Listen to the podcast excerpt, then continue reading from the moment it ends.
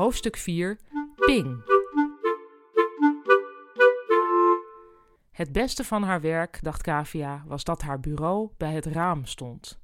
Tegenover haar zat Kim en alle twee keken ze uit op de straat. Een rustige straat die door de platanen die er stonden iets parkachtigs had.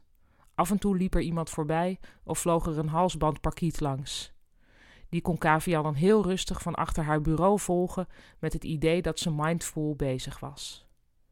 Stella zat weliswaar een paar schalen hoger, maar die had vanaf haar werkplek geen uitzicht.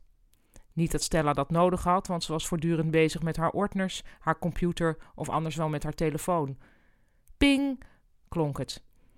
Kavia checkte wat voor mail er was binnengekomen, maar er was geen mail. Nog een keer klonk er een ping. Weer geen mail te zien. Ze belde Harm Jan van IT, maar die nam niet op. Ze herinnerde zich dat hij telefoonangst had. Omdat ze daar soms zelf ook aan leed, kwam het haar eigenlijk wel goed uit. Ze mailde hem dat ze een mailprobleem had. Hij mailde meteen terug: Je mag na de lunch wel even langskomen. Fijn dat dat mag, mompelde ze. Ze schreef na de lunch HJ op een post-it en plakte die op haar beeldscherm. Dat zag er alvast productief uit. Ze belde Annabeth om te zeggen dat ze de verzamelde bonnetjes van deze maand op zou sturen. Dat werd zuchtend geaccepteerd door Annabeth. Op de achtergrond blafte de hond met nierstenen. Kavia verzamelde alle bonnetjes van iedereen, stopte ze in een envelop, schreef het adres van Annabeth erop en voelde zich meteen ontzettend nuttig. Ping, zei haar computer weer. Pong, voegde ze er in gedachten aan toe. Na de lunch liep Kavia kordaat naar het trappenhuis. Harm-Jan had een jaar eerder van alles aan het mailprogramma veranderd. Ze herinnerde zich een lange uitleg over alerts, die ontzettend handig zouden zijn.